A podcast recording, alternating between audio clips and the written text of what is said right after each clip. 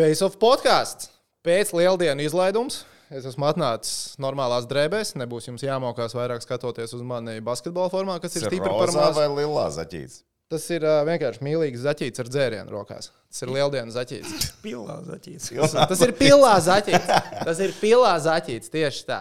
Kas par Zīnskis, Toms Prāvnieks, tehniks Rihards. Šodien mums ir viesis Artis Sābols. Latvijas čempions hokejā. Tehniķi, tavs uznāciens. Kur ir tavs zem? Zemgale! Tu biji pamanījis? Viņš ir no zemgals. ka Viņš... Ne, viņš nav no zemgales, bet viņš gribētu būt no zemgales. Kas Ā? tev tur? Ir dzīves pierādījums, Arti, ka mēs bijām un pasildījām jūsu kluba ekonomiku arī. Pamanīji, ka mēs bijām uz vienu no spēlēm aizgājuši. Es, es, nē, es dzirdēju no rīta par Ačiņu, ka tur stārāja sārņā, ka bijām aizbraukuši, cerēju, mēs uzvarēsim, ka es jūs vedīšu mājās. Jā. Es vēl dzirdēju, ka bija atspirdzinošais dzēriens no 2,50 uz 3. Uz Jā, trīs, jā. bet tas, Inflācija, tas bija finālā. bet jau, vietējie vispār pateica, ka esot pa divīt vietējiem tirgots, un mums pa 2,50. esot bijis. Vienkārši skatījās šitie tie Šitie no. Rīgas, šitie, šitie Tā lokāli arī likās, tiem banāniem var ietirgot. Mēs tur smaidīgi no auss līdz ausī ejam, sakam, o, viņš pa 2,50 un tikai vietējie. hm, Mums pa 2 ielē. Sabēdājāmies. Bet, nu, neko. Nu, apsveicam ar čempionu titulu. Tās emocijas droši vien ir nosēdušās. Man liekas, ir jāķerās kaut kam svaigākam sākumā klāt. Jo... Bet mēs pie hokeja čempionāta. Mēs jā, protams, jā, jā. protams, ja jau vārds ir atnācis ciemos, jāprunājās. Bet tu pie mums atlaidi pat taisno no hokeja izlases treniņa. Rīt jūs laižat uz Franciju, divas pārbaudas spēles. Kāds šīm divām spēlēm galvenais mērķis? Kas brauc uz turieni, ko jūs tur gribat pārbaudīt? Tā jau vieglāk pateikt, laikam, kas nebrauc. Uh, Šobrīd mums trenējas pieci, pieci piecinieki, un ir, ir astīti, kur spēlētāji, kuriem ir uh, šāda vai tāda, šādas vai tādas veselības problēmas. Nu, tad nebrauc uh, tā visi trīs vārdsargi, brauc, kas šobrīd trenējās. Un uh, tad nebrauks, nebrauks ķēniņš, Rodrigo. Mikls Indrašs, Kulda un uh, Kārls Čukste. Nu, un arī nebrauks, kam ir savainojumi dažādi. Tad ir Džeriņš, uh, Krastenbergs, Zīle. Uh, jautājums ar Rihardu Bukārtu. Arī saslims, un vakar šodien nebija. Tā kā, nu, visdrīzāk arī, ka iespējams, ka rītā arī nebrauks. Es tā kā klausījos visus tos uzvārdus, man liekas, nu, 99% tie visi džeki ir tie, kas principā spēlēs pasaules čempionu. tā pirmā ideja bija tāda, Ne, viņš jau nedrīkst tagad Nē, atklāt. nu, laikam jau zina, kā būtu. Mums jau hokeja ir, tik ir un būtu stulbi teikt, ne, ka šie ir beigti cīnīsies par vietu sastāvā. Skaidrs, ka viņiem jāspēlē. Un loģiski, ka šie ir nu, praktiski tie, tie ir izla- izlases sastāvā, teiksim, uz čempionāta spēlētāji. Nē, nu ir mums. Un tā pārējie, kas jūs reņģā, tur nezinu. Cita, no citiem medijiem, kur sekojiet, tad eh, tie pārējie, pārējie brauks. Ir gados jauni puikas, kas eh, pat nav pat treniņu spēlēs piedalījušies. Un, un, un, eh, tie brauks un interesanti redzēt, būs, kā, kā viņi ar teiksim, citiem, kuriem jau ir piedalījušies, bet arī nu, teiksim, tiks, netiks izlasē, kur tas jautājums ir. Arī atklāts un redzēs, kādu uz, uz viņu fona, kā, kā viņi izskatīsies teiksim, šai, šai iekšējā konkurencē. Labs, Es tā tīri no sevis saku. labs slēptais uzbrauciens. Sanāca.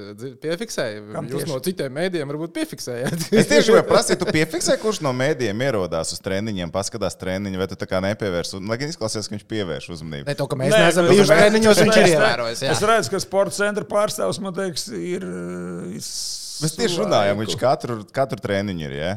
Viņš varbūt blakus dzīvo. Es nezinu. Viņš Nē, go, gods kam gods. Brožiks, man liekas, ir bijis uz katru treniņu. No mums šodien nav bija. jāiet. Šodien bija. Šodien Vakar bija. bija. Vakar Viņš, bija malac, katru- viņa, viņam ir forši Twitterī piesakot, jo redz, viņš aiziet uz treniņu. Viņš Nē, nu, tāpēc es saku, es domāju, tā pagaidi. Nu, kā, nu, tur hāli tukšs, tur pāris cilvēki. Tur Nē, viņš bal- piefiksē, balkonā tu viņš uzmet skatu, piefiksē. Bet pareizi, ko tas viņš nestos tikai uz leju, tur pasties, nu, kas tur augšā. Kaut kāds onkls ar dzeltenu cepurīti visu laiku ir katru dienu, pat nezinu, kas tas, gad, tas stipri gados kungs. Okay. Bez zinām. Mēs zinām, kurš tas ir. Mēram, jā.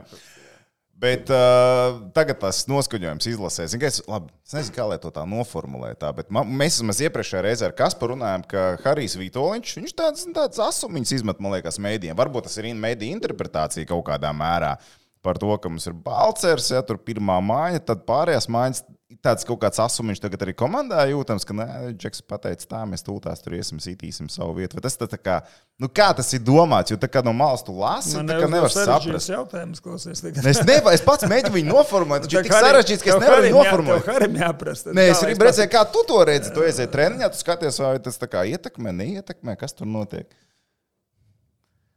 Nu, nu, it kā tā acīs nekas tā neiekrīt, ka kaut kas būtu citādāk. Un viss. Un viss. ok, labi, viss, viss čil, viss kārtībā. Ļoti, ļoti jauka diplomātiska atbilde. Tev, ar kurš pavasaris tev pēc kārtas sanāk ar izlasi tagad no 2017. gada, pareizi? Nu, no vien, treneriem? vienreiz, bija, jā, vienreiz bija ar uh, Nolanu, bet tas bija 12 gads, un pēc tam ar Bobu. No, cik Bobam bija? Nu, viens, viens jau nebija pēc kārtas, tur bija, tur bija, tur bija Covid. Jā, Pagājušajā jā. gadā samocija, bet bija. Un Tagad, jā. Tagad ar, uh, ha, Piektais, laikam, četri ar Bobam. Ne, Bobam četri. Ar Harry, pa, pavasarī tagad ir, nu, teiksim tā, pirmie metri aiz muguras. Nu, pirmie, pirmās treniņa dienas, kur tu esi no rīta līdz vakaram piedalījies treniņa darbā, pēc tam, kad ar Zemgālu noslēdzies čempionāts. Uh, šitās, šie, šitie pirmie metri ir kaut kā savādāk, vai pagaidām viss liekas. Viss ir zināms, jā, varbūt sejas ir citas, speciālisti ir citi uz komandas tiltiņa, ir jauni hokeisti uz ledus, pāris hokeistu vairs nav, bet tās iestrādes aptuveni ir tādas pašas, kā tu esi strādājis pēdējos gados. Ko tu domā citādāk salīdzinoši ar ko? Nu, salīdzinot, piemēram, ar uh, gadiem ar Bobu.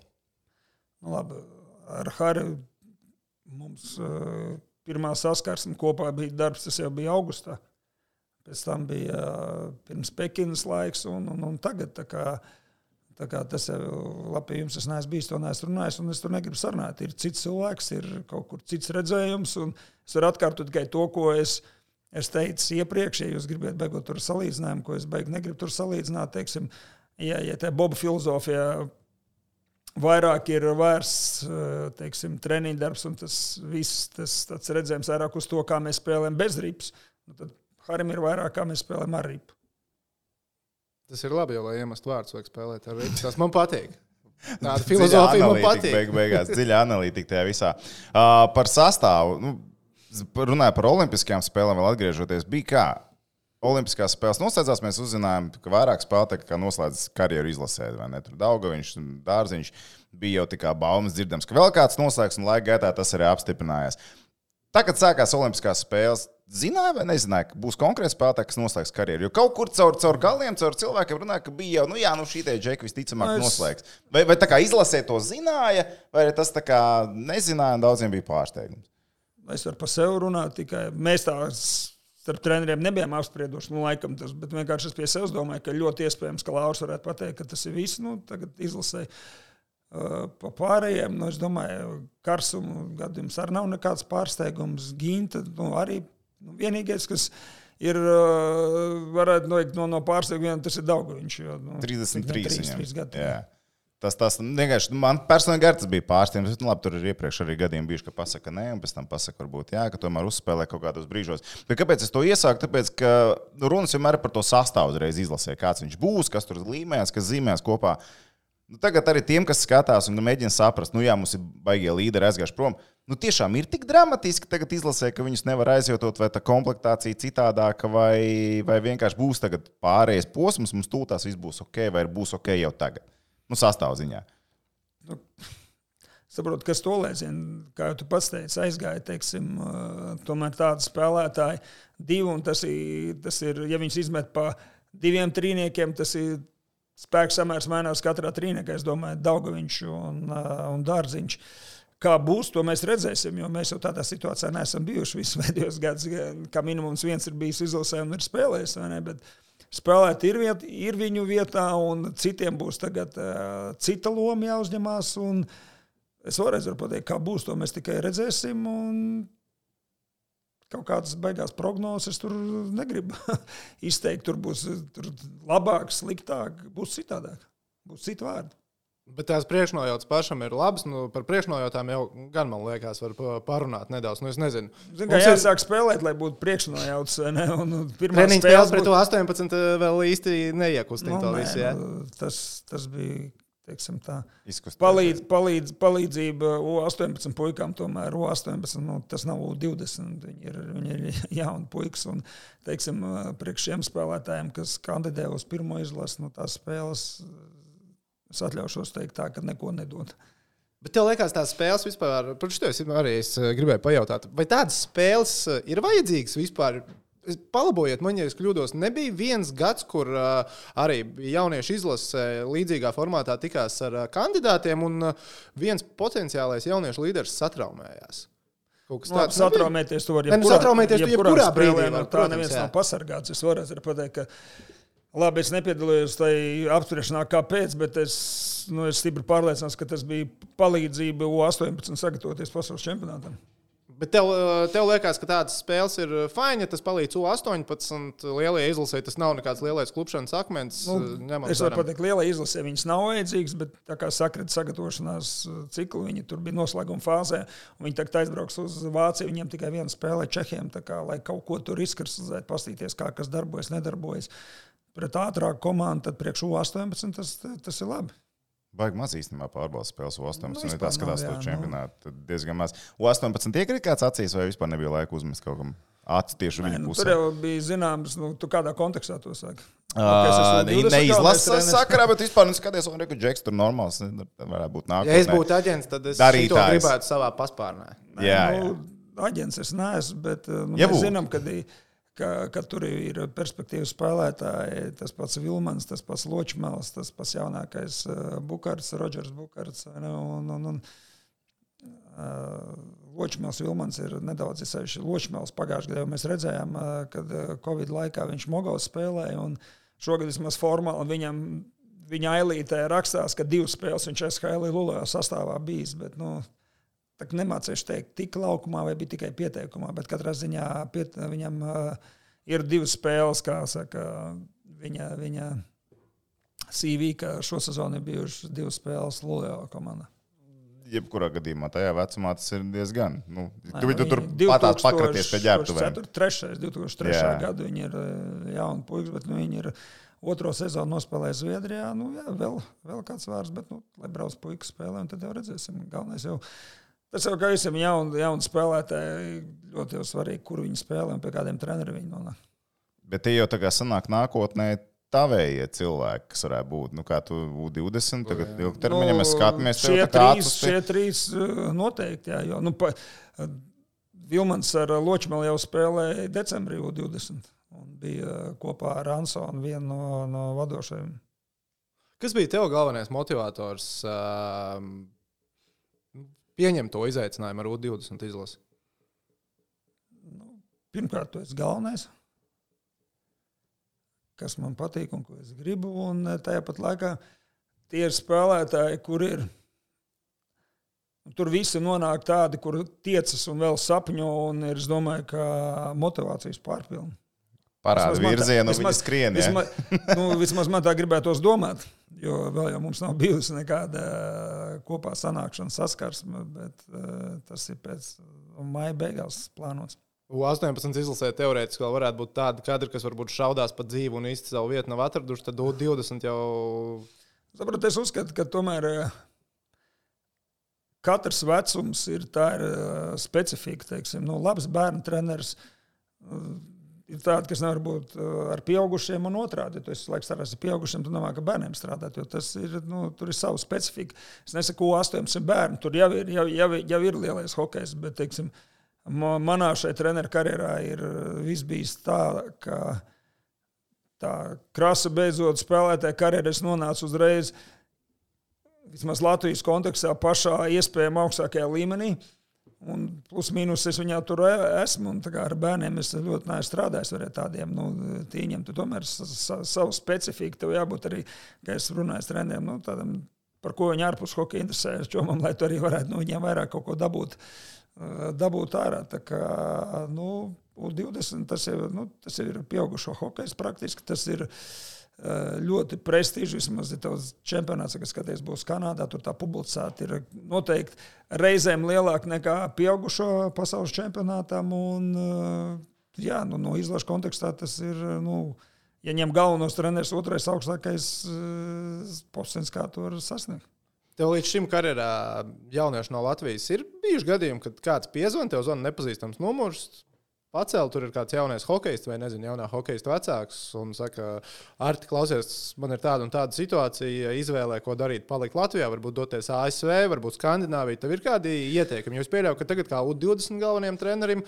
Nu, Kaut kādi 17, 18 gadīgi džeki, džeki. Tu pašam mājās, Nu, gadījumā nav- tāda nav situācija nav bijusi, nu, ka tev nāk un saka, ko darīt. Recepti, un tas ir jautājums, no kuras labprāt varētu izvairītos. Un, protams, tu, ko tu teiksi, ko, darīt, nu, kur braukt? Nu, nu, nav mums neviens tāds recepts, ja mēs pasamies kā mūsu spēlētājs.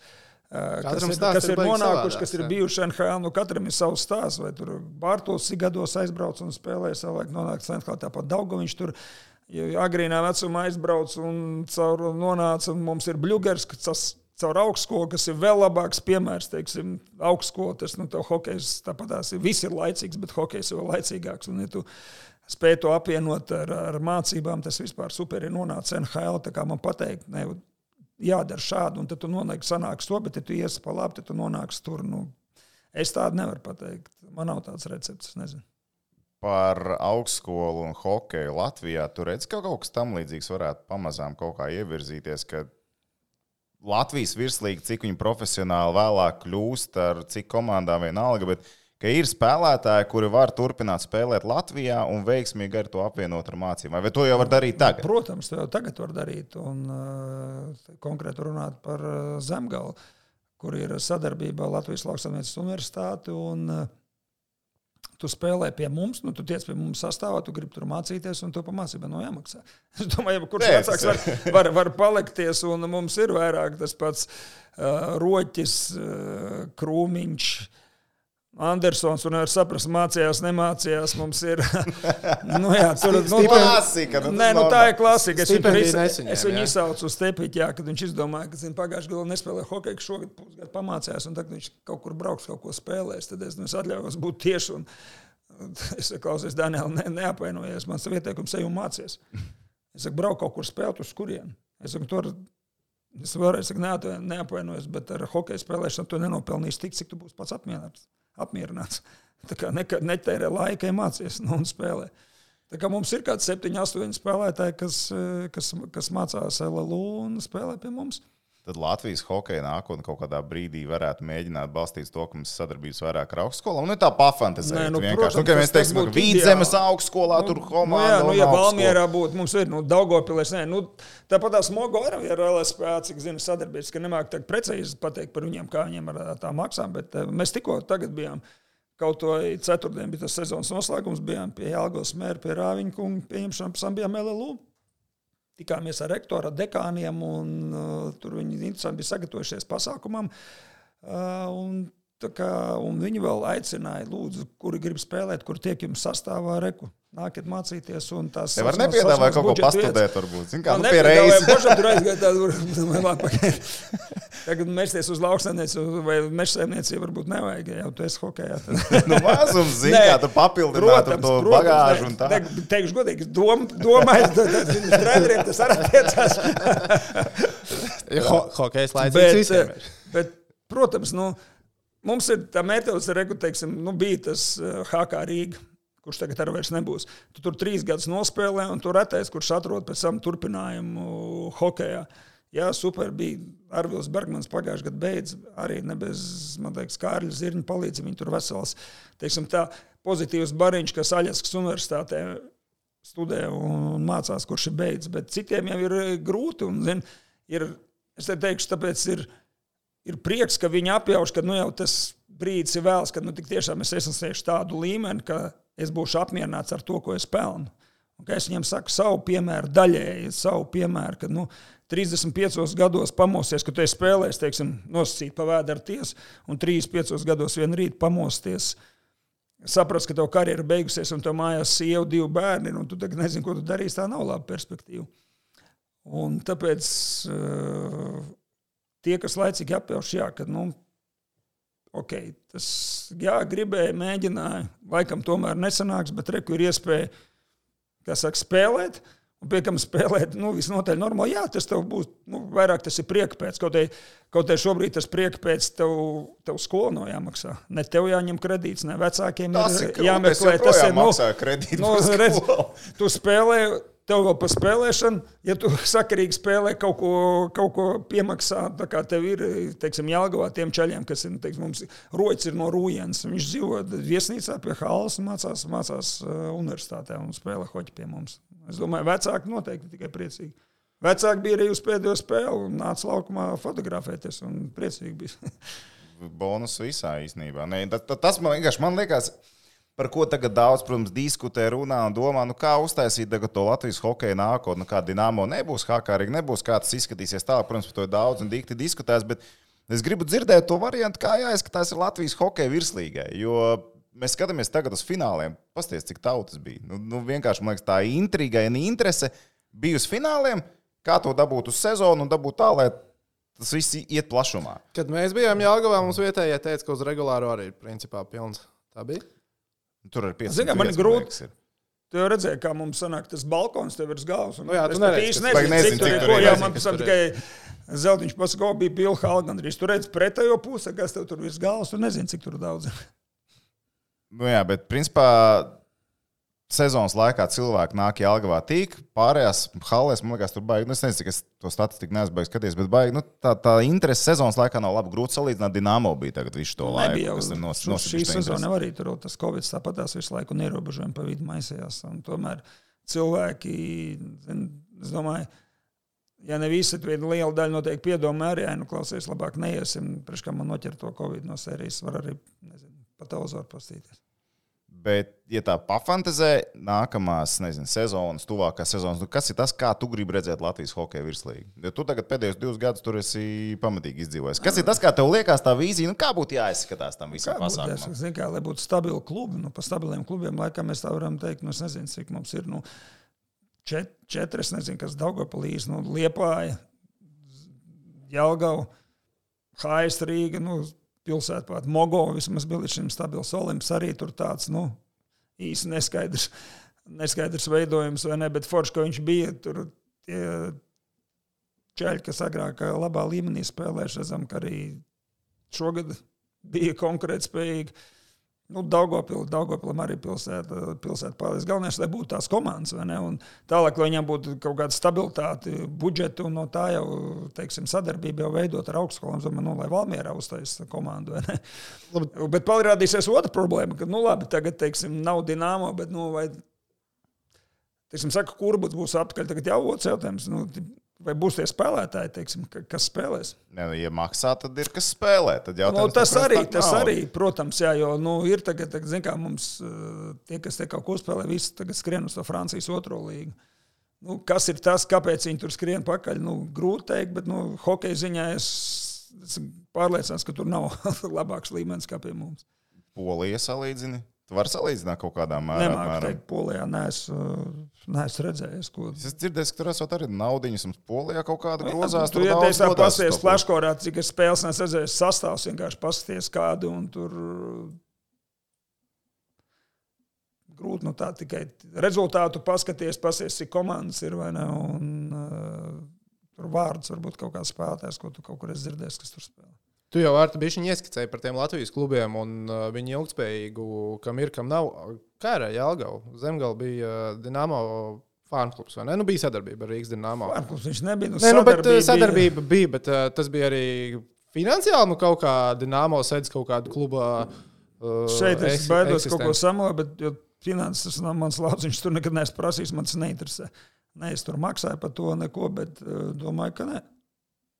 Cik es zinu, cik tie, es nu, Zemgājas komandas lielie vaļi ir universitāte Jālgavā un pilsētas Jā. doma, vai ne? Jā. Pašvaldība. Jā, nu, kad pašvaldība tērveta agrofirma, nu, tas uzvar lauks. Nu, Tu kaut kādu budžetu apmēram zini, nezinu, kā tie budžeti Latvijas virslīgā vispār komandām ir, vai tev kā vispār tumša bilde apmēram par to. ir? es esmu dzirdējis, ka kaut kas ir teicis, ka, lai vajadzētu būt normāli komandai, kaut kāds 400 tūkstoši vismaz, nu, teiksim, sezonai.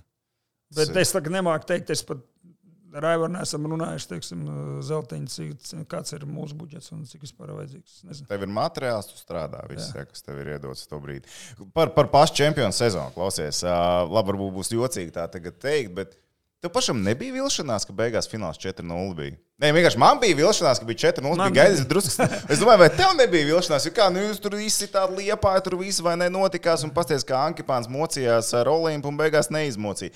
Pēc tam ir fināls 4-0. Es biju gatavs iet trešdien uz hokeju, man pirmdien bija jāizņem, jūs pirmdienā pabeidzat sezonu. Ko man tagad darīt? spēles jau bija sīvas, arī tā 5-0. Tur vienkārši mums sakrit un kaut kur būtu olimpiskā pārsarga nepavilka. Bet, nu, es jau saku, man kā trenerim tur zin, 4-0 neforši. Tev Jā, nebija Nē, nu, jā? protams, šis, šis zin, kā, nu, mājās uzvarēt, man tur arī sākās runas, ka mēs otro vinējām, tur mājās, tur zina, gudrinieki, tur nu, mājās. Ā, Jelgavā- ģērbtuvēs jau sāka- Nē, nē, ne jau spēlētāji, no ārpus spēlētājiem. Tur nu, būtu forši tagad piekto mājās. Es saku, mm, jūs lēnāk par tiltu. Nu. 3-3 beigās vēl, ka nedabūja Jā, ja ņemams, tā ņemams. Nē, nu, sakrīt, kā sakrīt. Nu, Bet tev tā pēcgarša palika, viņi bija noguruši pēc pusfināla sērijas, vai vienkārši tu atradi, kur uzspiest, un tur arī uzspied, un paldies uz redzēšanos. Nē, nu, es neslēpšu. Un, un, un Olimps daudz pārsteidz man tā skaitā, jo es biju simtprocentīgi pārliecināts. Es domāju, nu 4-0, 4-1, ka Mogo uzvarēs. Un tas, ka viņi tur ieķērās un beig beigās vinēja, tas bija, nu, man tas bija pārsteigums. Jā. Par liepājas uh, pretestību jums pusfinālā sērijā nebija pārsteigums. Jo tur arī mēs, mums ar to likās, ka jūs tiksiet Man ātrāk nebija galā. pārsteigums, jo, teiksim, ja mēs skatāmies tīri statistiski visas sezonas uh, gaitā, Nu, mums tur bija visgrūt- grūti. Mums gaitā. visgrūtāk ar liepāju gāja. Nē, nu, ja mēs pieskaitām Krievijas, ko viņu sezonas beigās bija savākuši, tad mēs pēdējās divas spēles, 1-6, 2-5 liepāju nospēlējām. Mm. Nu, pārāk op optimistiski neskan. jā. Bet, nu, jā, redzot, Un, kāds bija liepa, tikai un- paskatoties uz uzvārdiem, mums ar to mēs arī nu, tā likām sērijas, kā mums liekas, kur veiksies. Nu, bet labi, jā, mums Izgāzāmies, jā. uzvārds. Izgāzāmies mums, diezgan, jā. div- mums bija 21 gads vidējais, liepāja 23 bija. Ir starpība. Nu, kuri mums tie uzvārdi bija? Jakimovs un Ozoliņš. Kulde, Matriks jā, Ozols, normāls džeks ir arī Jā, vispār, jā, tas Olimpietis starp citu, jā. jā. Spēlējis Olimpiskajās. Un piedalījies, jā, spēlēs. Nu, ne, ar nelielu Spēlēs, laiku. piedalījās. Čičiks spēlēs apsveic pēc uzvaras. Jā, Īziņā vai piezvanīja? īziņā. Aptuvenais uh, vienkārši viens vārds apsveic vai Nu, jā, nu, apsveic kāds arī. Kur tu lien tagad, ko tu mēģini izvilkt ārā? Nu, es nezinu, nezinu. Nē, nu, man- man liekas, ā, nu, vai ā, ar Ankipānu ir bišķiņi tādas principiālākas spēles Latvijas čempionā pēdējo divu gadu- laikā. Protams, es domāju, Visiem, ja? Es domāju, gan, gan, gan viņam, pret mums, vai gan mums. Un tur jau nav tikai, tur jau nav tikai ģirts un es, tur gan spēlētāji, gan, gan Mārcis Martensons, gan Aivars Zeltiņš. Tur, es domāju, tur katrā līmenī tas ir, tas ir principiāli. Ir bijis, ā, ka kā, ir kādas spēles bijušas, kad nu, ienāk no kluba augšskats un pasaka, tā, šodien būs papildus motivācija. Nē. Tā nav. Domā bijusi. par Nē. eiro un peso. Ja, nu, Nē. Eiropa, ESO. Mums, tā- mums tā. tā nav bijis, bet katrā ziņā tas tāpatās ir zināms, un to, to, to zina spēlētāji. un to- Tas viņiem ir teiks, ka tas ir, tas ir paaugstināts bīstamības spēles. Nu, bīstamība tas ir pēdiņās liekams, bet nu, loģiski, ka tā ir vienalga, tur, cik viņi ir izšķirīgi vai neizšķirīgi, bet tā ir principiāla spēle, un tur spēlē katru spēles uzvaru. Tas kā fu- tu no malas paskatoties, no malas iekšienē, no malas reizē. Nu, kā funkcionē Olimps ar spēlējošo treneri? Nu, Latvijas čempionāts. Nu, vienkārši vienā brīdī bija tāds sajūta, ka Enriku pasties mums ir ārti sābols treneri, tur ir nesējais, Ankipāns, viss tur ir tāda bagāža pieredze. Un tad ir Olimps. Es saprotu, viņiem, es esmu motivējis, viņiem tas, tas plus tas, ka tur ir tāds spēcīgs komandas kodols, un tas ir ļoti svarīgi. Tur, Tas Teiksim, ir ēdlis, vienalga, kāda- šie- kāda, ko tas treneris teiks, bet ļoti svarīgi ir tā ģērbta, ka no iekšienes tur satur to komandu. Tu vari ienākt un celt kādas lodzumus, gribi, bet ja iekšā tur ir tāds, nu, nav, teiksim, tāda iekšienes kodola un līderi, tad eh, tam trenerim arī vienam ir ļoti grūti ko izdarīt. Un tur praktiski viņi bez treneris spēlē. Nu, labi, Maks, Maksims, jā, viņš tad uz soliņa tagad plēfā viņš spēlē visu laiku, bet Tie galvenie skodos, kas ir tie brāļi Široko un uh, Georgijas Pujats, manā skatījumā, saka, tie tāds kodols, ap kuru turās visa tā komanda. Protams, Miķels, kurš joprojām laukumā ir, ir labs. Tas pats Brahmans tur var, var arī izšaut, teiksim, kā, kā sērijā Mogo. Bet, bet es laikā. tā mana doma, ka šie čaļi manis sauktie tur Kobajas var nosaukt tādu raksturu ceļu, kas un tie pārējie, kuri tādi mazāk dzirdēti vai mazāk pazīstami. Un kad ir tas kodols no iekšas, tad tie tur zina, plēš kreklu un iet cīnīdamies un, saka, cīnās pa katru metru. Tas, man liekas, ka tas, tas ļoti satur to komandu. Ja tev nav tā iekšā, tur komanda treneris tur var iet un tur kaut ko, ja tur visi katrs tur kaut kur palien malā, tad pret tādu komandu satiecies. Un... Bet teorijā varbūt, ja būtu vēl tam visam pa virsmu treneris, nu kā mēs esam pieraduši, treneris, kas ir tikai malā, kas, to, kas arī ar kodolu ir uz viena viļņa un var iedot vēl kaut kādu papildus Man, dimensiju. man grūti teikt, ka- kā, kā viņam tur kas funkcionē, vai ne? Nu, Maksims vai kā viņi. Ko viņi tur nosaka, kā, kā jābūt, vai kā viņi tur, ko tur analizē. Nezinu, es tur biju iekšā, tad tas viņiem ir, ir jāprasa. Bet, nu, kā es to raksturu vēlreiz saku, šie čaļi, kas to komandu satur, un tie pārējie mazāk zināmie, tie, tie neatļaujās nekādas vaļības, eh, neko, un tur skrien un cīnās ar pilnu atdevu. Sevišķi jau plēsoņā, es saku. Nu, Ja es labi, pareizi nu, sapratis, pa- nu, par Olimpiju, ātri pabeigts, tā aizdomājos. Ja es pareizi esmu sapratis, tas pats kodols arī nu, ne tikai sportiski satur, bet viņi arī, nu, teiksim, tā birokrātiski bīda, lai tā komanda būtu, vai ne? Nē, nu, protams, brāļi un, un, un Žorda. Viņa, viņa jau arī to komandu tur arī kaut kā saka, arī, arī meklē tos. eh, Nu, pazūst, viņiem interesē tā komanda visticamāk ču, izkopēt. Ja? Nu, nu, es nemāku atbildēt uz to jautājumu, bet es domāju, ka nu, tur jā, ka, nu, nu, viņiem ir daudz kas atkarīgs. Labi, kas tur viņiem kā funkcionē, nefunkcionē, bet jautājums tev komandā, kā funkcionē. Tu stāst par līderiem un, un to ģērbtu otrā pusē, tavā komandā. Labi, mēs no malas, ko mēs redzējām, labi, Ozoliņš, kapteinis, tur vai ne, ir, ir atsevišķi spēlētāji vēl. Bet ir kāds, ko mēs varbūt no malas neredzējām, kurš ir tās līdera dotības, kur tur, piemēram, gājas ģērbtu, tu redzēji, ka tur viss labi notiek, un atstāja tā kā visu to maliņā aizgāja. Zināju, ka Reku Džeksi, kurš tūlīt saliks vēl visu komandu pa plauktiņu. Nevar teikt, ka viņš tur var visu salikt. eh, Es varu teikt, ka es labprāt redzētu komandā tur vēl kādu, kad, eh, kad eh, vajag tur iekšā. Un pagājušā gadā mums viennozīmīgi tādu pietrūka. Plēfēl arī tur tā vispirmā maiņa sa- satraumējās, vai ne, kāpēc mēs bijām tik nevarīgi pret Olimpu. Uh, bet ir tāds, teiksim, kurš varbūt viņš tur nekādas slavas lauras laukumā nav plūcis, ir tāds Ilja Grekovs kuram, kuram ir tāds raksturs, kurš, kurš, kurš nebaidās. Viņš absolūti nav dievs tīri hokeja izpildījumā, vai ne? Bet uh, viņam ir, ir tādas, uh, teiksim, nu, kaut kādā pagājušajā gadā tāpat sērija mums uh, tur sīva bija ar, ar Mogo. Viņiem bija, es nezinu, kādam čalam vārds Ozoliņš, Armalīgs uzvārds, kurš spēlēs tur dažne dažādās līgās uh, Ziemeļamerikā, kurās hokejs nav prioritāte Okay.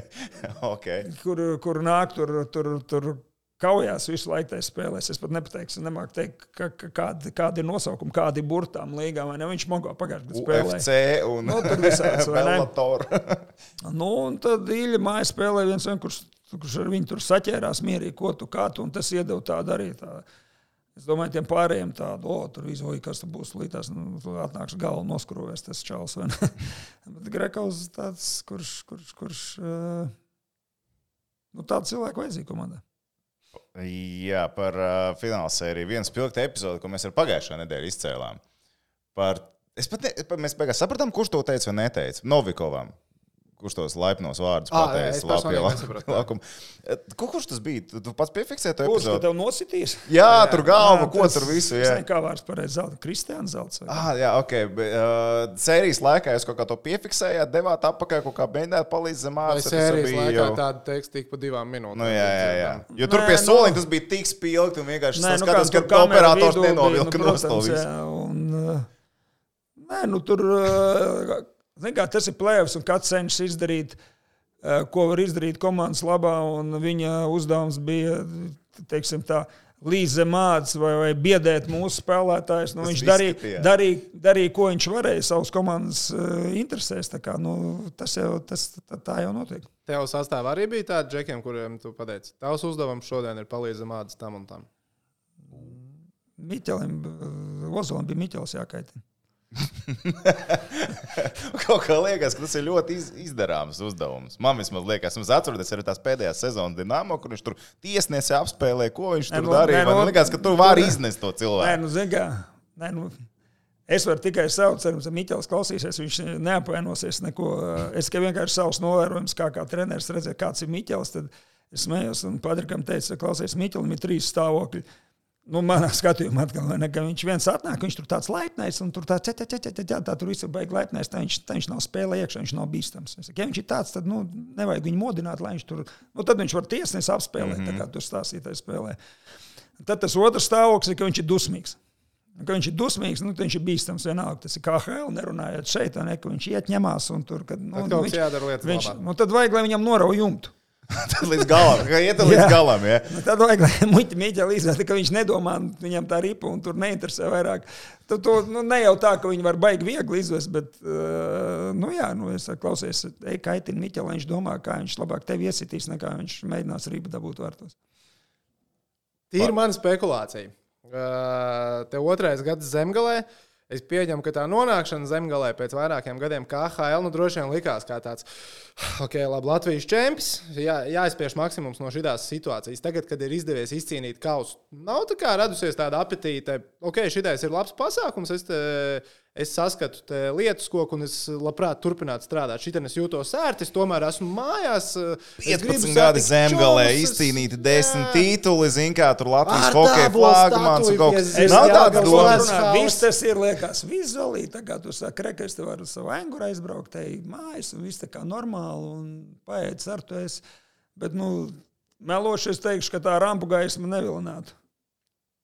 Būs piedāvājums, tajā būs pat- interesi. ja, es ar- Jā, nu šeit ir tāda manīša, un es esmu, tu pats tiec skaidrs, par ko tu gribi. Es tādu neko nemeklēju, bet, ja man būtu konkrēts un interesants piedāvājums, es, pa, es viņu apskatītu. Bet pats meklējis, neesmu. Pagaid, bet tev taču noteikti ir ik pa brīdim kaut kāda piedāvājuma, kas varbūt nav tik garšīga. Bet vienkārši kaut kur no malas tev atnāk, ka tu skaties. "Ā, Kaut kā laikam īsti nebūs. Nezinu, nu, kaut, es, es vienkārši fantāzēju. Nu, pieņemsim kaut kur no Slovākijas, vai no kaut kur no Polijas, vai kaut kādas Dānijas. vai kaut kas bijis, bet šobrīd. Uh, Nu, Labi, Covid laiks arī daudziem droši vien druskuļi rokas sasiem par to, ko, ko domāt. Ko, bet, nu, tev ir kaut kā tāda dikpa brīdim uzpeld, vai ne? Kaut kāda piedāvājuma. tas bija kaut kad, tad, kad visi sēdēja mājās. un Pirms es nonācu zemgālē. Par tām uh, spožajām rampu gaismām, kas aicina. Nu, pēdējos gados spožākā, tuvākā, tepat austrumos ar lielu blīkšķi ir izrūbīta ārā. Tu Es domāju, kā tas nu, arī tev treneru karjeru turpmāk iesaistīs. Nu, jo pa lielam nu, viens liels, vistuvākais fiziski esošais tirgus ir ciet. Nu, tagad, ja gribās tās spožās gaismas, gribi, negribi, ir jābrauc kaut kur uz rietumiem.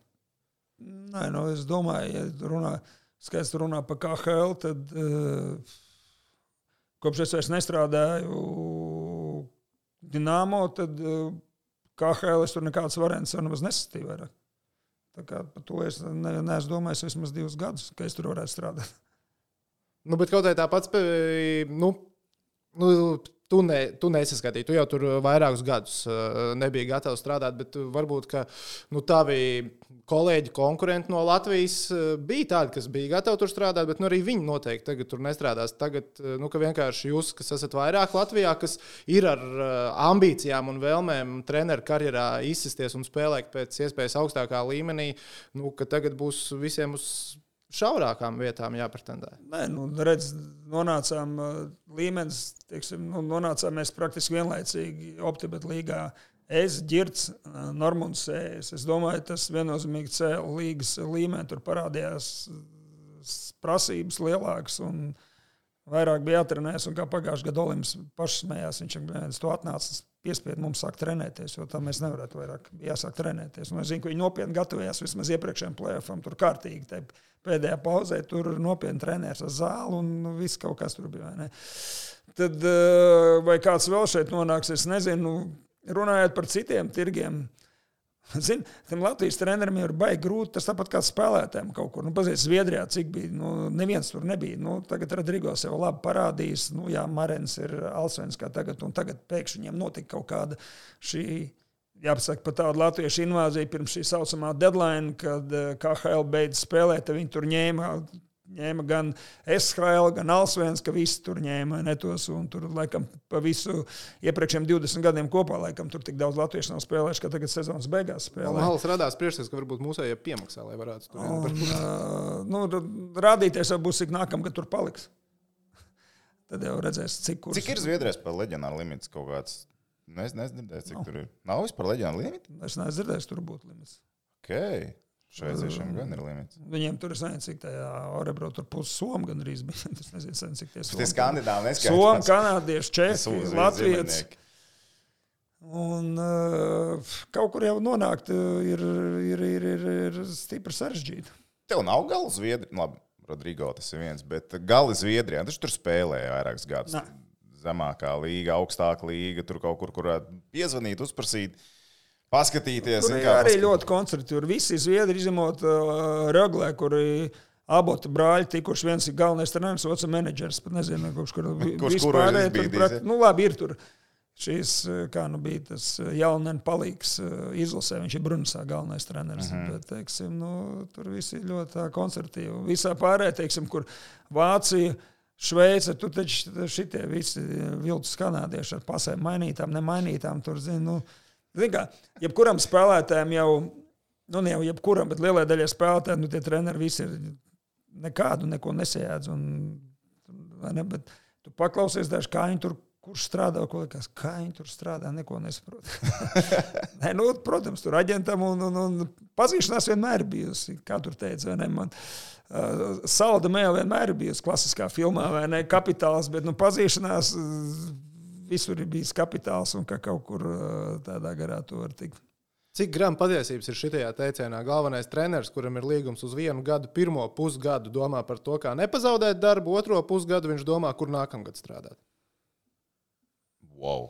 Es tādu kaut kur biju Wow. dzirdējis. Tu neesi tādu dzirdējis, man tu man tādu teici. Kur tu Es esi citur? tādu teicu. Tu neesi tādu teicis? Aizveries. Nu, Kaut kur es es tādu domāju, es domāju, normāli treneris domā tāpat, kā, kā, kā sasniegt maksimālu, maksimālu iespējamo rezultātu. Bet par, vispār par Eiropas hokeju. Mēs tā kā no Latvijas čempions, gan vispār uz Eiropas hokeju. Uh, cik līgām tas sanāca, drusku pasako kaut kā līdzi. Nu, plus mīnus, tu uzmet acis Zviedrijā. Tas ir skaidrs, nu, uzmet acis, tu skaties noteikti Zviedrijā. Es, starp citu, tā kā mēs pagājušo sezonu komentējām spēles vairākas un dažādi zinu. Jā, jā. Pienāk pārtraukums. Dators ir vaļā. Skatos, ka jau logojās kaut kur iekšā, kaut kādas game pass, kaut kas tam līdzīgs. Atverās Zviedrijas hokeja čempionāta spēle. Sākās mums spēle, jākomentē uzreiz datoriņš aizvarās tā pus, puslociņā tā ciet, jo tāpēc, ka spēles laika ir jāskatās Orebro komanda. Tad atkal vaļā.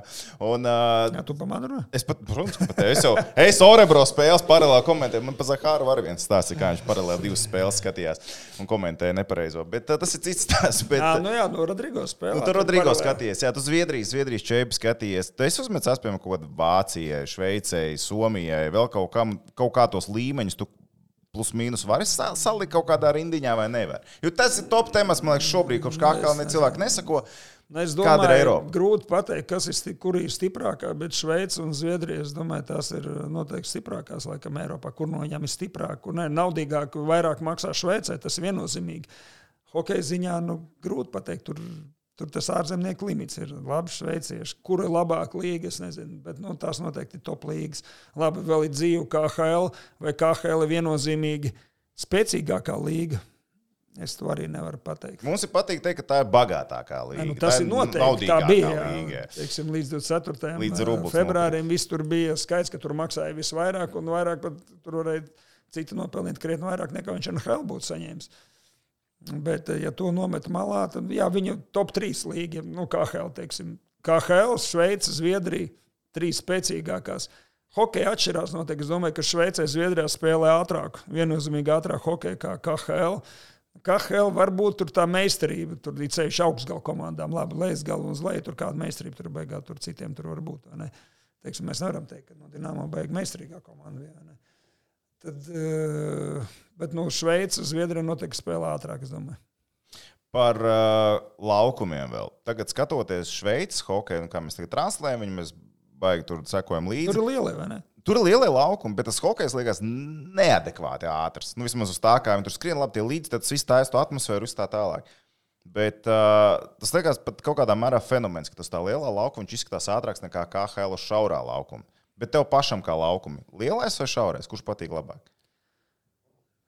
Kur to tempu var dabūt nu, tā kā skatāmāk, jo dažreiz liekas, ka uz tā mazā pat vietas vairs Zini, kā nu, tur jau tā lieta, ko tu, ko tu gribi redzēt. Vairāk akciju, laikam, teiksim, ātrā spēlē ir uz mazā laukuma.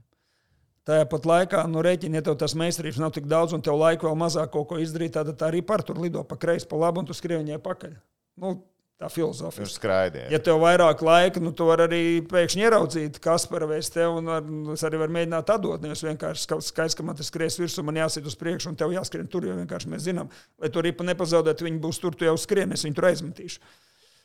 Jā, tur ir spēks spēles vairāk, varbūt kaut kas vairāk ap vārtiem uz vārtiem, bet nu, tie mazie laukumi tas arī tāds. Nu, Tāpat laikā, kam interesē hokejs, kāds tur spēlēja, vēl, kas atcerās tādu superlīgu pirms KHL, pirms 15 gadiem, vai ne, kad tur viss lēni, viss smuki, meistarīgi, bet viss tur caur viduszonu, neviens netiek viduszonai caur, tāpēc, ka viss tā viduszonā. Nu, Es tā viennozīmīgi neatbildēšu. Kā, jo, nu, tā kā es esmu bijis uzbrucējs, gribu arī, lai visu laiku, nu, nevis visu laiku, bet lai mēs spēlētu labu ripu. Bet tajā pat laikā es negribu sapīties, spēlējot ar ripu, lai mēs atrodam sev vārdus. Bet tev kā trenerim, tev ir kaut kāds savs iecienītais spēles stils, vai tu sezonu no sezonas tu skaties, kāds ir tavs materiāls, un tad, eh, tad arī Nu, nē, tu nu, saproti, kurš ir ir- tas stils, kurā ja būs jāmačo. nu, tev ir kaut kāda filozofija, pie, nu, hokejs jau mainās. Tu arī kaut ko tur skaties un uh, kaut ko pieņem citu, kaut ko pamaina. Gadu no gada kaut kas var pamainīties, bet nav tā, ka nu, tur, teiksim, mēs tur spēlējam baigi agresīvi un tagad spēlēsim baigi pasīvi. Tas ir, tev, tev ir tā pamata pamat nostāja vai pamat redzējums, kā tu, kā tu gribi spēlēt. Un tālāk jau tur paskaties, teiksim, no konkrētās situācijas. Labi, šeit tas ir mazāk.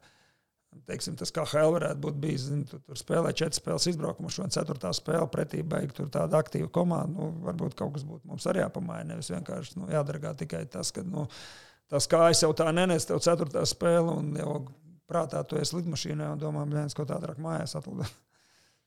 Par laukumiem turpinot. Ir tāda sociāla tīkla lapiņa, Bardown, kas ir kaut kāda Ziemeļamerikā. Viņi uztaisīja aptauju, liekot cilvēkiem rakstīt, nu, kas ir tas hokeja noteikums, ko viņi gribētu mainīt. Nu, tā kā ir kaut kāda noteikuma tam līdzīga. Tev ir kaut kāds noteikuma punkts, ko tu gribētu, ka hokeja pamaiks, liekas, labi, viņš nav atžgāns, bet varētu labāk. Jo ir cilvēki, kas raksta, ka viens no tiem noteikumiem ir tas, ka vajadzētu to vārdu ar trapecītu aiz vārtiem izvākt ārā, ka tomēr vārdsargi, ja viņi vairāk vazājās pa aizmuguri, varētu vairāk kļūdīties. Nu, tāds uzskats cilvēkiem ir. Bet vai tev ir kaut kāds noteikums, punkts, ko tev liekas, ja šito bišku pamainītu, būtu foršāk? Nu, Tev tīri sezonas laikā liekas, pats stulbs noteikums. Sitienu es pat nepateikšu. Tev nav tā, ka šis, Nē. tas, kas ir šobrīd, ir ar to jāstrādā, viss ir Es esmu gan normāli. konstrukts, man vispār nepatīk visu laiku maina. Visu laiku kaut kāds noteikuma izmaiņas. Ja? Laukumi paliek, hibrīdi Nu, zini, ko tur ne? maina katru gadu. Labi, tas bija kā, katru gadu nāk un kaut ko viņi tur zina. Vienu brīdi jau tu pats vairs nevari saprast, tagad, nu, tu kā komentē, būs gols vai nebūs gols. Nu, sazin, tur jau tāds svies ir, ka tagad, tas bija pagājušajā gadā vai tas ir šogad. Tagad, nu, sazin, nu, zin. Bet uh, tāds, ka es uzreiz tev pateikšu, o, oh, to vajadzētu. Tev nav tāda. Ja, plus mīnus ir ok. Jo bija taču tā filozofija vienā brīdī, ka varētu neļaut vārdsargiem vispār piespiest strīpu no, no sērijas. Tev metiens ir no viduszonas. Ne, labi, tagad jau tas plus mīnus kaut kā ir ielicis rāmjos kaut kādā mērā bez vajadzības piespiest strīpu. Bet bija jautājums, ka vārdsargs vispār varētu nepiespiest strīpu. Nu, ka jābūt laikam spēlē un tam līdzīgi. Čepsā gadījumā kaut kādas tādas izmaiņas, idejas. Nā, nē, nu, tagad jau var viņi saka, tev kā, ka tu redz, ka tu vari spēlēt, tev ir jāspēlē. Nu jā, Un, ja tas- tu, tas kā ja tas tu regulējums kaut savu pa kāds. jaunu piespietēji divas minūtes. Jo, tu, Nu, jā, tur arī dažreiz nevar saprast, šitā- kad jā, kad nē. Nē, to, to var saprast šādas lietas, vai ne? Teiksim, nu, ka tur nevar mainīties, vai tur izolēties, kurā pusē, kurā pusē tas iemetiens, tas, ir- tas, ir, tas ir normāli. Bet, uh, es negribētu noteikt, ka vārds palielina, lai arī mēs visi gribam vārdus. Nu, kāds drīzāk, tad labāk sekot līdzi uh, vārdsargu formai, jo tāpat laikā, ja mēs redzam, kāda ir formas evolūcija, mēs redzam, ka treķers šādi nostājās, vai ne, tad liekas, kur metīšu, vai jāpastāv, jā, te varu, tur varu, šeit, tad tagad tu pastāv, ka tu esi viņu vārdus neredz, vai ne, nu. Es par tiem vārdsargiem un noteikumiem. Es citu noškājos. Tikko kurš tas bija uh, Andersons uh, Karolīnā, kurš. Tad, kad Karolīna dabūja vairākumu aizturēto sodu, sanāca situācija, viņam lidojot uz beņķīti, ripa nāca Ā, pretī. ka viņš viņu uzķēra, viņš viņu uzspēlēja, bet viņš saprata, ka viņš nevar iet pāri vidus līnijai, ka tāds noteikums, nu, kā vārdsargs, varbūt ar to situāciju, nu, es nezinu, reizi desmit gados varbūt saskarsies, bet viņš zināja, ka viņš nevar iet ar to ripu pāri līnijai, jo tad būs sots. Tas man liekas tā. Pats par to bišku nu, noškājos. Man liekas, nu, tas tādas lietas, ko es reiz desmit gados izmantoju, nekad taču neatcerētos. Tas man liekas nenormāli interesanti. Pašam. Viņš jau pie tā ir uzaugs. Kā agrāk bija Patriks Rā, uztaisīja vienreiz šito saņēma divi, un paldies. Jā, pirms liekas. 20 gadiem. Nu, bet to visi cilvēki Nu, labi, jā, pie tā, taču to gal galā. atcerējās. Ā, Klausies, ar es tev vēl gribēju pajautāt par darba specifikām. Tev tagad, piemēram, domājot par tavu klubu karjeras nākotni, cik ļoti tev ir jāņem vērā tas ā, U20 izlases līgums? Nu, jo tomēr U20 ierasti sezonas laikā arī. Kas man jāņem vērā? Nu, ka tev ir ā, U20 Es pieņemu, vai tu vari apvienot ar kaut kādu citu, Jā. piemēram, piedāvājumu U20, vai tu nevari. Vai tev tagad kaut kāda konkrēta vienošanās, ka tu tagad paliec šitam bāzējies, vai tu drīkst Nav nekā- apvienot? Nav nekāda konkrēta. Jā, mums jau vairāk treneri iepriekšējos gados, kas ir apvienojuši. Nē, nu noteikti Un, apvienot. Un asistenti līdz čempionāta sākumam vada komandu, tu čempions. U20 nav tas, kas ā, vienmēr nu, tā Nu, standarta Ziemassvētkos, jā, nu tagad būs No augustā. A grupas spēlē nu, Ziemassvētku jaunais gads. Pagaid, bet tagad augustā būs U20 čempions, un ārā neviens nekrīt, vai ne? Izcili. Var 2002. Mm. spēlēt. Tie, kas spēlēja nu, decembrī. Jā, jā. Vecākie jā. 2002. Pēc tam jau būs, decembrī 2003. Bet tad, ja tev ideāli, tu esi dabūjis tagad līgumu, ar U20, tev ir šis čempions, un uzreiz ir nākamais. Četros mēnešos divas. Cena taču ir divreiz lielāka. Nedrīkst To es, teikt. to es nezinu. Tu neskatījies, ko tu paraksti līgumā. Nedrīkst teikt konfidenciālu informāciju. Viss nedrīkst teikt neko. Ar te trenēt gribi, jā, reku parakst. Ā, Klausies, ar tu pateici vienu baigi interesantu feature, tā kā mēs ā, sarunas sākumā par ā, sevi. Kad tu teici, 35 gadi, es saprotu, ka es vairs spēlēt, ā, viss man karjera ir galā, man ir divi bērni, man ir sieva, no kurienes man nāk, nākam, kuras nākamo algu saņemšu. Uh, tu atceries, bija kaut kāds tāds brīdis tev dzīvē, kad tu saprati, nu pagaidi, visu mūžu man šī tā nebūs, ka man, nezinu, desmitajā, pirmajā reizē, trijos mēnešos kāds atnāks un samaksās naudu par to, ka es spēlēju hokeju, jo hokeju es gluži vienkārši mūžīgi nevarēšu spēlēt. Un vai tu atceries, vai tev jaunībā likās, ka tas uh, turpināsies mūžīgi? Nu, tā kā jūra līdz ceļiem ir, jo es spēlēju hokeju. Nē, nu, tas, eh, neturp, es, tas bija skaidrs, ka neturpināsies. Zinu, vēl, tas bija PSRS laiks, 91. gads, un Rasmus Energo vēl tādā otrajā PSRS čempionāta otrajā līgā spēlēja. Es Teksas universitātē biju iestājies uzreiz pēc videns, un, un, un tur zin, eksaktās zinātnes man nebija tādas uz, uz sitienu. Un es biju mehānikas mašīnbūvnieks fakultātē iestājies. uh, Nu, respektīvi, par inženieris mašīnas un tādas lietas. ne? Bet, nu, mēs tur aizbraucām izbraukumā uz nepilnām divām nedēļām. Es atbraucu atpakaļ ar grūtībām, atradu savu kursu grupu. un Tad tur, zinu, skatījos, tā laikā bija 45 kapeikas biezā klāta. Viņi tur kaut kādā ķīmijā vai augstākā matemātikā trešdaļu pierakstījuši. Tad es pat nesaprotu, par ko viņi runā. Bet līdz pēc nedēļas jābrauc nākamajā izbraukumā, un tā man tur tas pasākums beidzās. Nesācies. Mārtiņš Pagotkins savulaik, kad izjūta tā PSRS un bija tā MHL, bet tā nebija jaunatnes līga, bet SHS starpnacionālā līga. Nu, respektīvi, tas pats PSRS čempionāts, tikai cits nosaukums palika. Tad viņš man teica, klausies, tev vajadzētu uz žurnālistiem iet, jo jā, man tur gramatika bija laba un sacerēja, man arī nebija problēma. Tad mobilē nebija, un es atceros, viņš man pāris reizes zvanīja pēc spēlēm, kad mēs pārdagām nospēlējām, un tad mēs tur pa telefonu runājām, viņš uz viesnīcu, kur zvanīja, un tad es tur no Krievijas stāstīju, kas tur notika spēlē un tādas lietas. Jā, varbūt vajadzēja, bet tur es neaizgāju, un pēc tam jau, jau, jau, jau tā es tur spēlēju, spēlēju bez jebkādas augstākās izglītības, nu tad jau, kad 2000. gada sākumā, kad es trešajā gadā viestures kozos man atvilka atpakaļ no Zviedrijas uz, uz, uz Latviju, un, un tad viņš šuplers jau vēlāk. Un, Bīdījus to klausies, eh, no tevis varētu būt labs treneris. Kaut gan es par to nedomāju, kāds treneris negrib būt treneris. Bet, nu, ja tā veselo saprātu padomā, beigās, beigās opcijas tev tagad ne? Nu, tad, eh, tad LSPA, beidz LSPA, dabūja to B kategoriju. Un eh, pēc tam viss tā laime, nelaimē, ka es salauzu to roku liepājā. Veidojās 2008. gadā Dienāmo un eh, šie paši cilvēki, viesturs. Kozels, Julius Šuplers, Normons Ejs aicināja man Šupleram pa palīgu. Man tā kā tas viss tā laime, nelēmē un krasi, krasi, krasa pārējie bija, bet, teiksim, tā man ir grēks žēloties, jo nebkuram katram var tā paveikties. Tās, tās, pā, tās trīs sezonas pēc tam vēl nedaudz uzspēlējot Ozolniekos, bija tāpēc, ka vēl ķermenis ā, rāvās, ka vajag hoķīt. Nu, jā, paralēli protams, tas tur pārējais. Tur, zin, pirmais gads vēl bija kurbadājs spēlēt, taču es atceros, viņi spēlēja kaut kādā Baltijas līgā, un tur mums bija jāspēlē par iziešanu. Man tā roka sāpēja. Kur man Tur tāda- vēl ir komanda bildes, kas gāja cauri? Skatos, mēs tur spēlējām tur tur šī brīža Mogo halē. Mums bija kaut kāda izšķirošā spēle ar, ar Kaļiņģeradas komandu. Un Mēs tur viens, divi pašās beigās iemet divus gols. Mēs trīs, divi vinējām. Un tur Andris Pikāns arī bija baigi priecīgs. Un vispār tur bija, bija superīgi. Un, un, un, un pēc tam, jā, nu, tu kā palīgs, tev tas prāts arī nav tik daudz. No, Nodarbinās teiksim, ar hokeju kā galvenajam, tad es Dienāmo pirmsākumos, tad mēs ar Viktoru vēl jā, kaut kādā divas sezonas tur kad bija iespēja uzspēlējām aiz, aiz, aiz uzvalniekiem monarhā. Jā, man liekas, ka man vēl bija jākomentē tās spēles. Es atceros, ka tur bija, bija interesants pasākums. Ozolnieku un liepā mēs tas bija tas fināls kaut kā, vai pat divu gadu pēc kārtas bija, ne fināls, neatceries. Bet uh, es par to pārēju no Zviedrijas, ka Kozils to dabūja Rīgas 2000. Nekad neesmu dzirdējis par to sto storyline. Kā tas notika? Vai viņš tur uzreiz atnāca un uzlika galdā rekursu?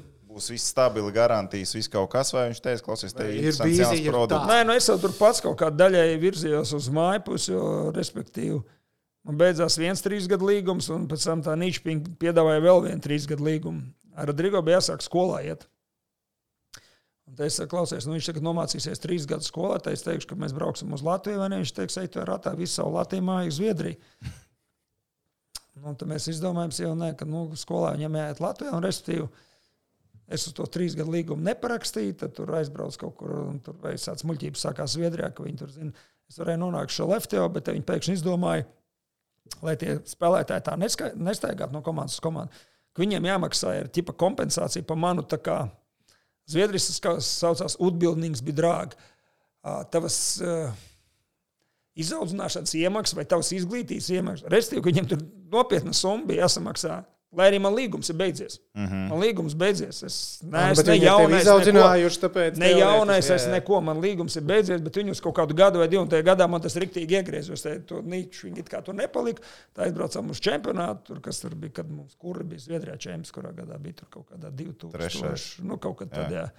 Aizbraucam šo lefti, jau nāca. Tā bija top komanda, kas cīnījās. Nu, iziešu tagad viņi ir top komanda LC, no SHL, tad viņi Alsvens kā bija.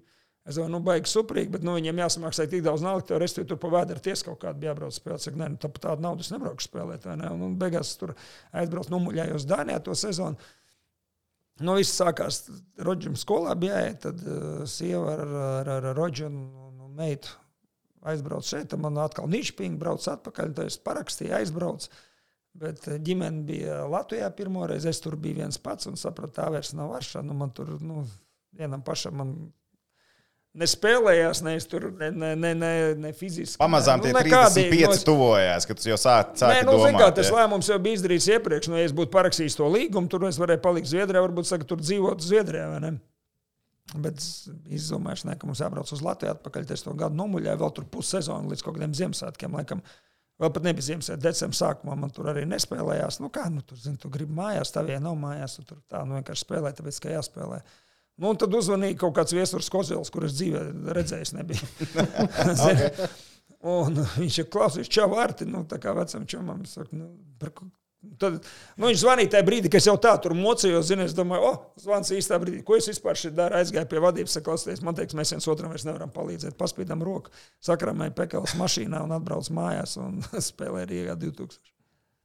Ok, vienkārši es domāju, nu jā, interesanti mēģināja dabūt. Tā kā Rodrigo uz Rīgu, un beigās viņš tāpat dzīvo Zviedrijā. Nu, tas, tas, Tā tas vēlāk, jau tā ir, viņa izvēle. Tur jau vispār tāds likteņbirgs, jā, jau pēc tam pēc tiem junioriem, ka viņš tur tos divus gadus nospēlēja. Un tas otrais vispār bija tur stulbs gads. Un, uh, vienkārši, zin, kā, nevienmēr jāpriecājas, ka tev nodraftē, ka mēs tur smējamies, laikam tā Vankūverī viņi jau tur zina vīnu sadzērušies, kas tas tāds augums ir, zina, draftējam. Ko nodraftē, priekš kam nodraftē? Nu, vienkārši, lai ir kāds, kāda starpība septītā raundā, kur tur nodraftē, zina, nu, kas ir papālim? Un nu, no sākuma jābaigās, jo, kad ir nodraftēts, baigi krūti, vai ne? Nu, labāk nebūtu draftējuši. zini. Un Viņš to gadu bija nospēlējis Portlandā. Un, un, un uh, tur tas treneris, saka, nepateikšu, kā viņš sauc, viņš bija pārgājis uz Pitsburgu, viņu paņēma pa galveno. Bailsma vai kā viņš tur bija? Nē, nē, bailes man nē, tur uh, Johnsons vai kā viņš. Ok. Nu, ba- baidos Jā. pateikt. Tagad Rodžers nospēlēja aizbraukt uz to Portlandu. Tur tas treneris bija tieši Pitsburgā. Sezonas vidū Pitsburgu viņu atlaida. Viņiem tur bija tāds, tāds, tāds nu, zini, pieauguši hokejs, tikai čipini, dāmas, forčeks, tur tāds, tāds pārbaigi vienkārši hokejs. Nu, tā sezona beidzās, viņi to Johnsonu atpakaļ pa džiem, pa galveno. Nu, es varbūt, mūld, varbūt uzvārds ne tās, bet man liekas, nav, nav tik būtiski. Un viņš to Rodžeram zvana pēc sezonas klausies, es zinu, tā un tā. Un vai, tu, nu, viņš kandoja uz izlasi, nu, pēc čempiona sazināmies, bet es gribētu, lai tu brauc atpakaļ. Pēc čempionāta viņš zvanīja, jā, es gribu, lai tu brauc atpakaļ. Es zinu, ka tu esi imports, tu esi overreach, viņš uzreiz divas vietas aizņem. Tur var būt divi eiropieši un viens overreach. Viņš gan, gan, Viņš nošauja gan abus, imports, jā, gan overreach. Čak, jā, mēs gribam, bet nu, tur tas drafts vēl būs. Nu, tagad tas Vankūver, viņi tur pa pāli viņi nodraftē. Tagad pasaka, tu brauks, nu labi, viņš aizbrauc uzreiz pēc Jāņiem, kas tā attīstības nomet. Pēc tam pasaka, tu brauks mums uz AHL nometu, tu brauks mums uz lielo nometu, nu, respektīvi, tu tur visur brauks. Es domāju, Nu, baigi krūti, mēs tur, nu, tur ķipa, varbūt tur AHL vai kaut ko viņš aizbrauc uz vienu, otru, trešo.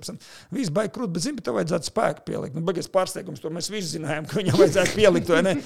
Viņš zini, brauc, ka tu uz to Portlandu. Nu, Viņš teikt, ierodās Portlandā, tie lielām acīm. "Oh, Čau, tie Portlandē ne vārda, neko tur zina. Tie jau paņēmuši Dāni un Zviedri jaunos. Viņi nevar tos puikas vienkārši nav, ārā. Nu, viņi trīs sanāk. Viņiem var būt divi. Nu, viņš tur kaut kādas divas spēles uzspēlēs. Viņš saka, klausies, nu, sorry, bet nu, mēs vispār neviens mums neko neteica. Viņi jau neatkarīgi komanda, kas tur Portlandā vai ne. Tur, uh, tie Winterhawks. Viņš saka, nu, nu, tad viņš tur mēnesi noblandējās, viņam atrada to tā, uzpeldē. Nu, bija komandas, kas gribēja ņemt, tur Konstantīns gribēja ņemt, bet viņi, ne, viņi tā nevar to puiku vienkārši izmest. Nav jau pieaugušies kaut kā. Ja kāds kaut kur ņem priekšā, nu, viņi jau tāpēc arī nedraftē kuru katru, un tas vispār bija cirks, kā Rodžers nokļuva Portlandā. Rodrigo Lamiņš pie manis bija laikam tā bija viena, otra, pirmā no divām reizēm, ko viņš pār dzīvē pie manis ciemos ir bijis mājās. Viņš bija ciemos, un viņam zvana tur no Amerikas kaut kāda pazīmes, ar ko viņš spēlē. Protams, klausies, tu tādu Rodrigo Abo pazīsti. Viņš es esmu pie viņa mājās. Šī es dzirdēju. Viņš saka, kā mājās, viņš tieši pie mums bija mājās, klausies, viņš, nu, viņam bija dāmo līgums. Viņš brauks pie mums uz Portlandu. Rodžeram, es tu gribi braukt Portlandu? Man tad vispār neko neizteica. VHL, OHL, tas tagad es tur tās līgas atšķiru. Viņš saka, nu jā, gribu braukt. Nu, tas saruna, toķis brauks, jā, aizgājām ar Dienāmo, sarunā viņam līgums, ka viņi, nu, tur palaida nekādas, kā saka, kompensācijas, neko nevajag, lai brauc, lai cīnās, ok, viņi laiž. Toķi, jā, viss līgums lausta, tad viņu nodraftēja, un tā viņi tikai paņēma viņu. Tā kā viņi jau vienkārši tāpat neņem tur to spēlētājs, vai ne? Un tad viņš tur mēnesi kaut kur noganījās, beidzot tur dabūja tie aģenti to Quebec Major, tur viņš tajā Quebecā nospēlēja. Un tāpēc tās arī pēc tādas kaut kādas sezonas, un tad, nu, cepurnos, ka viņam sarunāja divu gadu līgumu Orebrukā jauniem. Viņi tā kā sarunāja. Nu, Tie aģenti, mm -hmm. nu, kas viņam bija. Viņi sarunāja Orebru viņam, un nauda tur nebija liela, šeit, bet nu, kāda nav, tur bija pārējais pieaugušo hokeju, un super, ka viņš tur. Viņam vispār to līgumu sarunāja. Labi, tas Sunblats viņam tur nedēļa sevišķi spēlēt. Un viņš kā jaunais puisis, tur zina, kā tur treneris ar tāds specifisks bija. Tad, nu, Bet nu, viss iegriezās tā, kā iegriezās.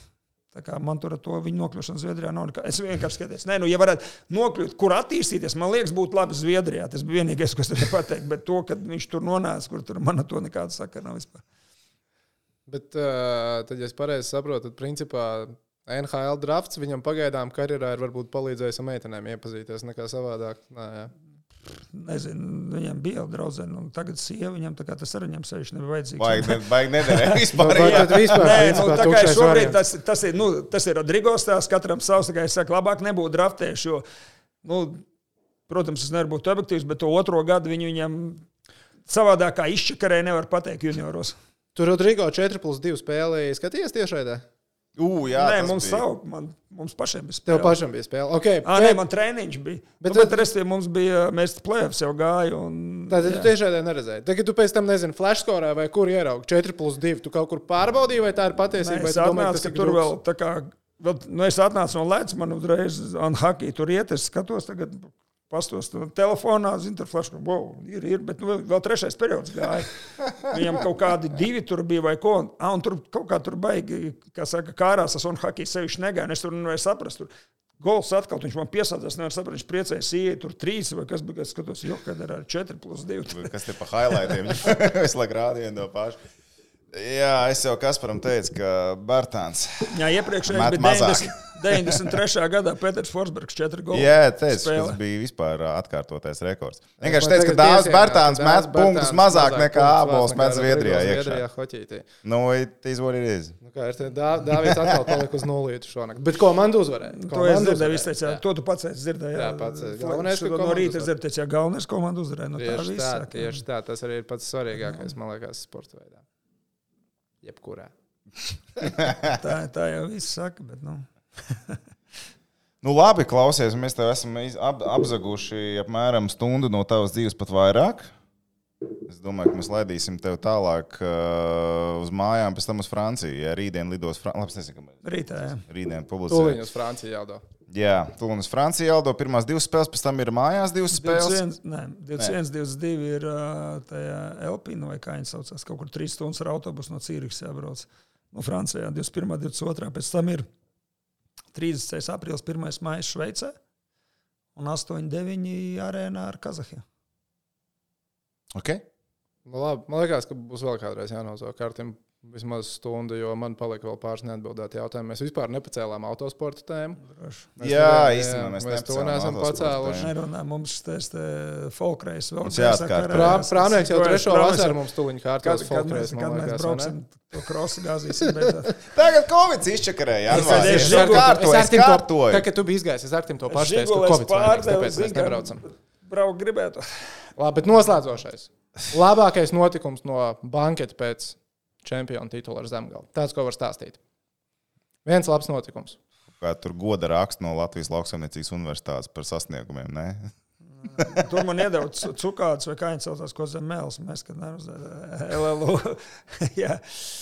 Un, bet, Nē, viss tur bija pamierīgo, viss bez olīda. Tur, kur to, ko nedrīkst. Varbūt, ja tāds bija, tur es nebiju klāt, jo man bija otrā dienā treniņš jābūt. no- Treniņā jābūt izlasē. À, mums bija spekulācija, uz uz treniņu pat taisno no banketa vai ar Nē, nu, čučēšanu. mēs jau man nevaram tur smēst. Tad varat, Kārs jau droši pateica, varēja nenākt nākamā dienā, pēc, nu, kad mēs uzvarējām pirmdien. Bet, bet viss jau bija pamierīgo ceļu, varbūt kaut kur, cik zinu, laikam, kaut kur tālāk brauc. Mēs kaut iedzerām, paglāzēju šampaniešu, brauc mājās. Nu, ceturtdien, kā jūs teicat, tad bija pagājušā nedēļa, ceturtdien bija Jālgavā pie, pie mēra un LLU, un pēc tam bija turpat Jālgavas teritorijā praktiski tādas vakariņas un, un, un, un, un pasēdēšana. Nu, ko neglābjams profesionāls Artis Zābols bija pie mums ciemos. Paldies, Nē, ka es skatījāties. teikšu, zini, tā kā Vilnis teica, nu, pie svēto galda es jau sen vairs nevaru sēdēt. Ne, neviens no mums, bet, nu, Nu, ko, Arti, paldies, ka atnāci, lai uh, veicās tagad Francijā, lai izdevies ir sagatavošanās process un, protams, arī pats pasaules čempionāts. Cerams, ka izdosies mums vēl ar tevi sazināties un aprunāties arī šī čempionāta kontekstā. viņam numurs ir. jā. Viņam numurs ir. Jā. Pārsūtīt. Labi, paldies. Lasīt, čau. čau. Čau.